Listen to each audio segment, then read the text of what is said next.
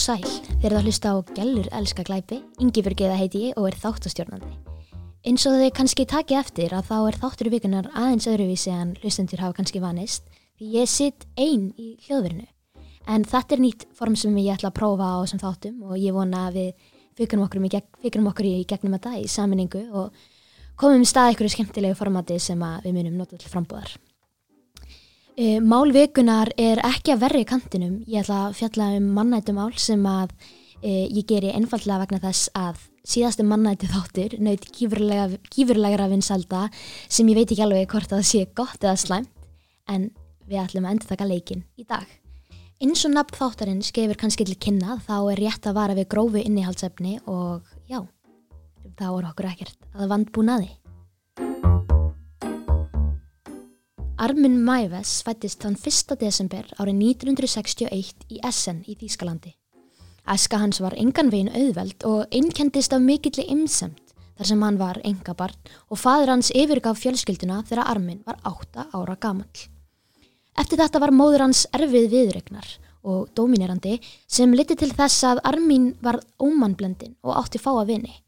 Hann segir sjálfur frá því að hafa verið svo einmanna að hann spann upp ímyndaðan bróður sem hann kallaði Frank eða Franki og hann varði eins konar trúnaðarvinur Armin. Hann leitaði í ævintýrasögur sér til dagrastýttingar og hafði sérstakann áhuga á Hans og Gretu. Mannætuhagðu nornarinnar fannst honum sérstaklega spennandi og kvekti áhugan sem mannáti en sá áhugi ógs aðeins með áranum. Armin leitaði til Franki með hugsanir sínar og sagði honum frá mannátskvötum sem hann upplifði en þessu sagði hann móður sinni aldrei frá. Franki var sá eini sem hlustaði á hann. Armin sagði síðar að um 12 ára aldur hafa hann fyrst fundið fyrir löngun til að borða bekkarfélaga sína, en þá myndi þeirri verða hluti af honum til eilíðar nóns og fylla upp í holrýmið sem einmannuleikin hafi skapað. Þegar Armin var 18 ára gekk hann í herin. Þar fekk hann aftur á móti ekki framtíðastarf og ákvað því árið 1991 að snúa sér að tölvum og gerðist tölvu viðgerðar tæknir. Með tímanum auðlaðist hann meir og meiri frama og var með þeim fremstu í sínu fæi, en það voru tölfur og veraldavefurinn það nýjasta nýtt á þessum árum. Armin fekk tekjur af tölvu viðgerðum og í frítíma sínum vafraði hann um veraldarvefin óendanlega og lendi óhjákvæmlega í skuggalegum grifjum hans við og við. Þegar Armin var þrítugur árið 1999 dó móður hans og hann erði stóra villu í Amstetten sem fjölskyldan hefði átt. Armin átti erfitt með að takast á við döða móðu sinnar. Hann stilti upp alltari henni til heiðurs og toppaði þetta svo með því að verða sér út um gínu sem hann létt sem væri móður sín og lagði til kvílu í rúminu á hverju kvöldi. En nú var Armin líka, þótt að hafi verið honum erfitt, í fyrsta skiptið frjáls maður. Það var engin mamma sem fyldist með honum eða skipað honum fyrir. Frelsið var honum kærkomið og það má segja að það hafi ítt honum yfir strikið. Hann nýtti veraldavefin mikill að skoða klám og þá sérstaklega klám þar sem pyntingar og kvalir voru aðalutverki. Og það sem verra var er að Ermin fann sig fljótt á spjallarásum sem fjöldluðum það sem hann hafði aldrei þórað að tala um upphátt. Mannátt. Eftir að hafa fylst með í rúmt ára á þessum spjallrásum byrta hann innlega á einni þeirra sem hétti í skemmtilega nafni Mannætu kaffehúsið. Þar auglist hann eftir ungum og hraustum manni á aldrinum 18 til 30 ára til að slátra. Armin ætlaði sér síðan að gæða sér á holdi hins látna. Þótt ótrúlegt megi virðast svöruðu nokkri kallinu.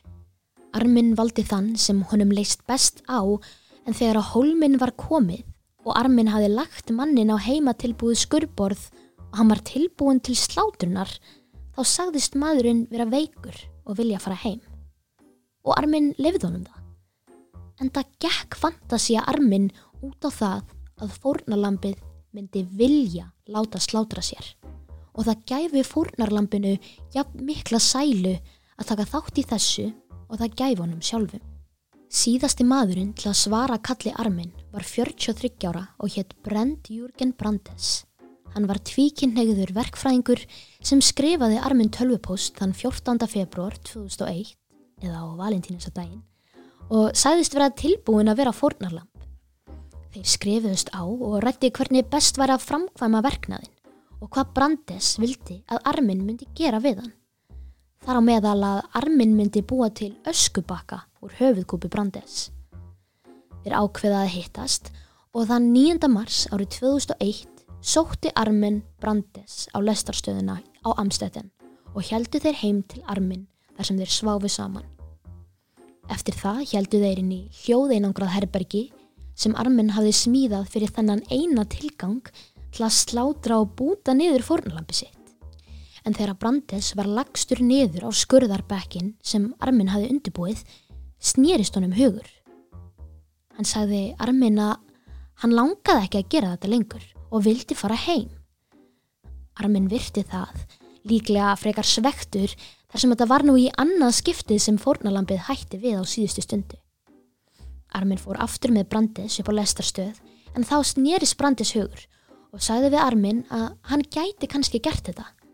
Bara að hann fengi nóg af sveplifjum, hústasafti og eftirvill smá snaps.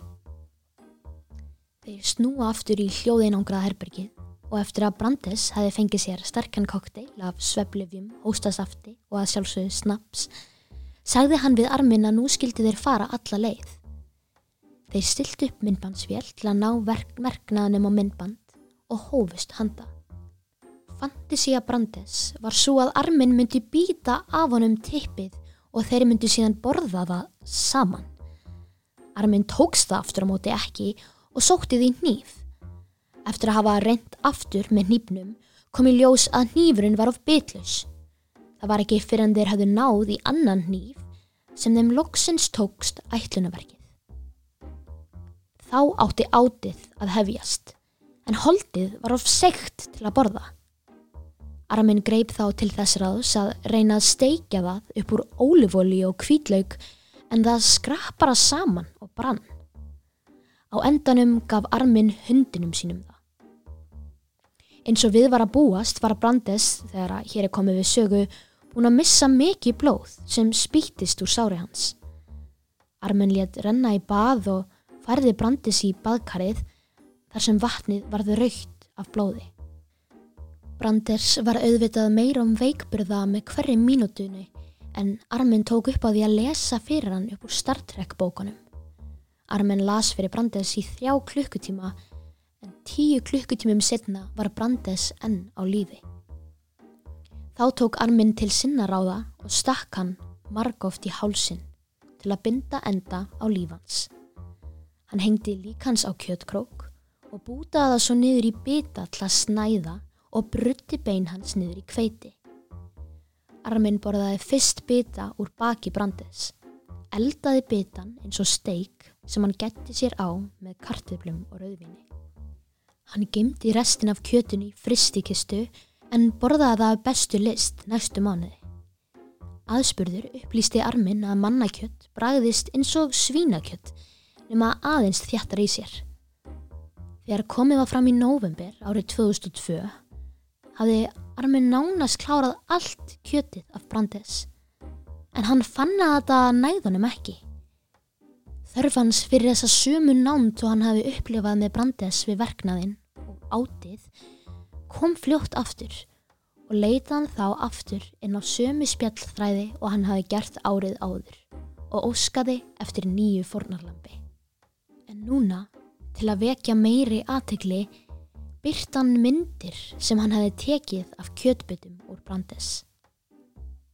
En það góða og kannski líka slæma við veraldavefin er að hann er öllum opinn. Einn nágranni armins rakst á auglýsinguna og ekki leið á laungu þar til að laurarlæna var mætt heim til hans á samt starðar en er leitateimi. Við leit heimi á armin fundust grumsamlegir kjötbitar undir falsbótni í fristikistu á samt fjögura klukkutíma myndbandi af óbdæðinu sjálfu.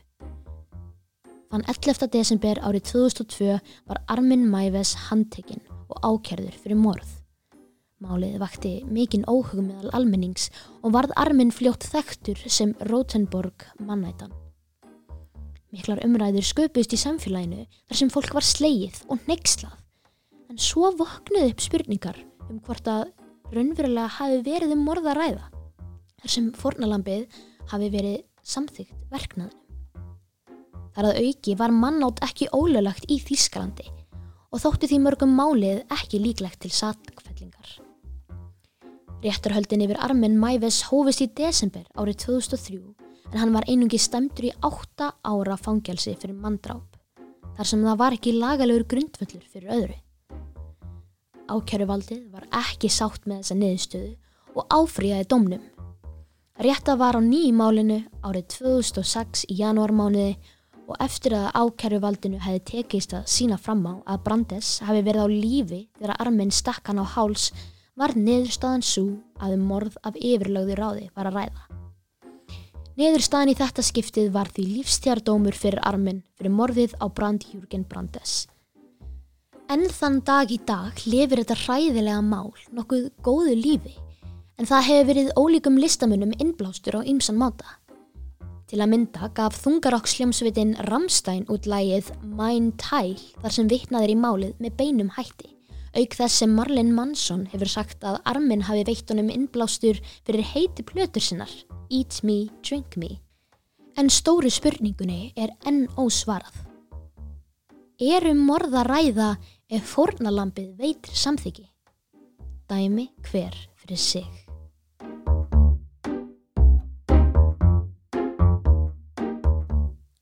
Þú getur nálgast alla þættina af Gjallur elska glæpi á öllum helstu streymisveitum á samt því að geta gerst áskrefandi að hlaðvarpinu.